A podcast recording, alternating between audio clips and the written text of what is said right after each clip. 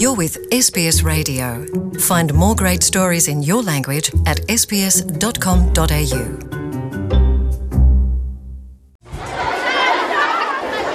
د مسخین شاوخوا 2 بجې وي چې د راپور چمتو کولو لپاره له دفتر ووتم د خار په یو برخه کې له هغونجونو سره مخ شوم چې نوې له خوانزي راوتلې وي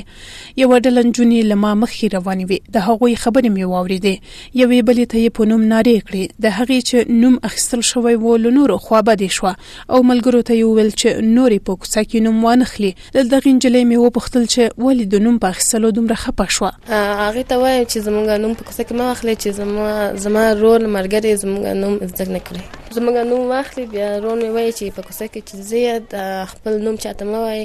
یا خپل نور انجن سره وای چې زما نوم ماخلي په کوڅه کې چې رونو سره چرته زم یا ما نوم نه اخلي خو مغه نوم د هر انسان د هویت یو برخه ده او په ټولنه کې په همدې نوم پیژندل کیږي خو په افغانستان کې زیات شمیر نارینه د خپل کور د خزینه او د نوم اخیستلو سره حساسیت خي د لغمان اوسیدونکو جمیل په دې اړه د خپل یو ملګری کیسه کوي چې اوس په زندان کې دی زمونږ په کلي کې تقریباً چې یو چا د یو خور نوم یې زده کړی و، د بل چا خور نوم زده و، هغه ته په ټوکو او دغه باندې به یې همداسې کله کله کې د ده خور نوم اخیشته، بله ورځ همدا را پڅېدلی او همدا وړکی په چاقو وهلی او مړ شو او تر اوسه پورې هم په زندان کې ده. اویا کلنه توربیکۍ بیا وایي، کله چې پېغله وه د پلار په نوم یادېده او اوس د زوی په نوم یادېږي. نام اصلی مې خیش قوم نمیفهمنی. په خپلو خپلوانو کې مې څوک خپل اصلي نوم نه پېژني. مخکې مې خاوند د بچو د مور په نوم راته غږ کاوه خو اوس مې بیا ټول خلک د ډاکټر د مور په نوم پیژني ځینې خو بیا د ماین مور راته وایي مادر ماین خلاص اونم نامم شد د کابل یوې اوسیدونکو ویل غوښتل چې د واده په کارت کې نوم ولیکل شي خو د کورنۍ نارینه ورته اجازه ورنکړه خو دغه او نظریه مشاور ماسیا په دې اړه به مې خاوند او نور مشران پریکړه کوي چې د واده په کارت کې مې نوم ولیکل شي کنه خو زه په خپل غواړم چې د واده په کارت کې مې نوم ولیکي خو مې اس کنه باید ذکر شوه د کابل بل اوسیدونکو شبانه حمیدی بیا وایي د واده په کارت کې د تخلص پر ځای خپل بشپړ نوم لیکلی و د مخ خپل خوان ډیر روشن فکر سړی د شکر د موږ فامیل هم دغه سیده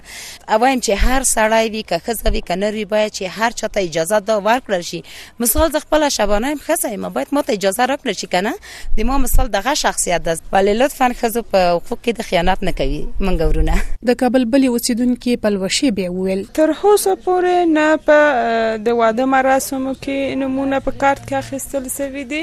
نه د مړینې فاتحې اعلان کې نه د قبر په سر یعنی هیڅ شي هیڅ چیرته دی وخزه نوم نه درجیږي نه ویل تکیږي دوی دومره ظلم کوي چې اتا یو انسان هیڅ بولی یعنی ته هیڅ نو دا طبعا یو ظلم ده خو دا چې اسلام او شریعت په دې اړه څه حکم کوي په اړه مولوي رحیم الله وایي د زنانه نوم اخیستل دا په اسلام کې هیڅ مشکل نه لري حتی جواز لري دا بعض خلک چې د دین نه د شریعت نه آگاه نه دي هغه ته دا د زنانه او نوم اخیستل هغه ته یو قسم پیغور ښکاری دا یعنی غلطه خبره ده چې بعض خلک په دې سوچ او مفکوره دي دا نوم د انسان حق دی کناری نه دي کشي دي نه دي انسان پم دې نوم یادېږي نن سبا او په آخرت په روز حشر کې صحابه کرام نمونه د هغوی ښځې نمونه چې نن پورې خلک په ډېر با عزت یادېږي هغه عیب نه لري اتا نوم عیب لري چې پتو پنهان پاتې شي په ورته وخت کې د عامه اړیکو او ستراتیژۍ په برخه کې د ولسمشر ځنګړی سلاکار وحید عمر هم د هغو ګوتو په شمیر وګړو لړډلې دی چې د خپلې کورنۍ د ښځینه غړیو نومونه په ټولنیزو شبکو کې خپاره کړل. په سیاسي ډګر کې داسې انګیرل کیږي په افغانستان کې چې سیاسیون دې باید د خپلو ښځو او خورو مورو او د لورګانو د دوی باید نمونه وانخلي یو یو ډول ته د شرم معنا ورته لري نو ما تقریبا څو کاله مخکې دا که څه هم کمپاین نه و ما شخصا د خپل د کورنۍ لپاره د کار شروع کول څه په دې باورمند یم چې ما په کورنۍ کې د ماخذ او مغر رول لري څه زیلره زما لور همغره حق لري او همغره د هویت د درلودو حق لري چې زما زوی لري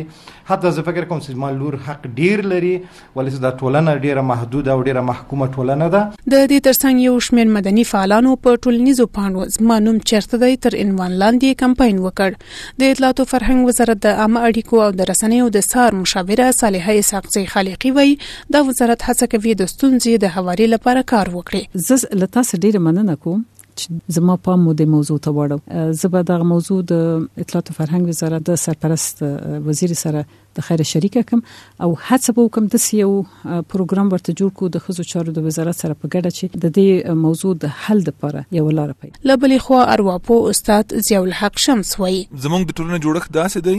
مونږ ته یو خاص ډول هویت یو خاص ډول کیفیت او د ژوند لپاره ځانګړي ارزښتونه تعین کړي دي ځینې وګړي اړوند دي نور وګړو پورې هغه نو اتفاقا د جنسیت لمخې خزینه اړوند سوي دي نارینه و پورې او په دې خاطر بیا نو دوی د دغه نوم د یادولو نه ډډه کوي او فکر کوي ټولنیز وضعیت سره مناسب نه دی له بل اړخه یو ډول خاص رواني مشکل هم پیښولای شي هغه کسان چې د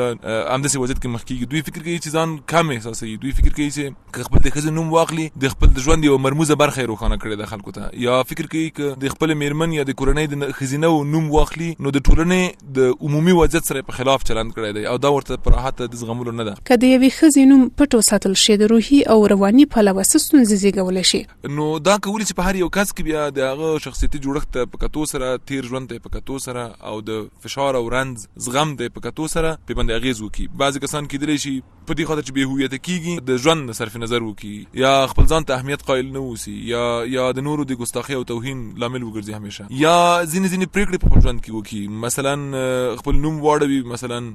ځینو مهمو ارزښتونو ته توهین وکړي، مثلاً عرف ته، مذهب ته، نارینه وو ته، داسې وضعیتونو کې، یا هم ټولنه کې په ارتباطاتو کې ورته مشکل پیدا شي، چا سره خپل ارتباطات ونه شي ساتلی، همېشه د پوښتنې لاندې راشي، که چا سره دوه خبرې وکړي، ستړي مه شي وکړي، د ده هویت، د دې خزي پښتنې لاندې راسي چې ولې داسې کیږي دا ټول رواني او اجتماعي ستونزې ورته پیدا کولې شي او د خپل رواني ستونزې دي بیا په هر یو کس کې کولې شي د نن ډیر مغلق وضعیت مینځ دراوړي چې هغه خپل هغه شخص زغمي هغه پر ډیر مربوط کیږي د دې ستونزې د هواري لپاره څه باید وشي اول خو د حل لارې زه د هغه کسانو چې په خپل یوازې د خزو د لوري نه د دې لپاره فعالیت پیلوي ډیر موافق نه یم دا وضعیت که د نارینه له خونه شروع سی یا په نارینه کې د لپاره فکر او کمپاین وسی یا لږ تر لږه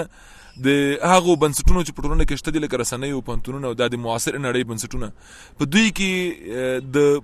سنتي او محلي ژوند د سبک پاکله باندې بحثونه او څېړنې او ناستې او خبرې وسی افغان نارینه تر ډیره د خپلو ښځو نومونه نه اخلي یوازې هغه وخت یې اخیستو ته اړ کیږي چې ډاکټر ته بوزي یا هم پېژندپاڼه یا تذکره ورته واخلي Tell us what you think. Rate this podcast on iTunes. It helps other people to find us.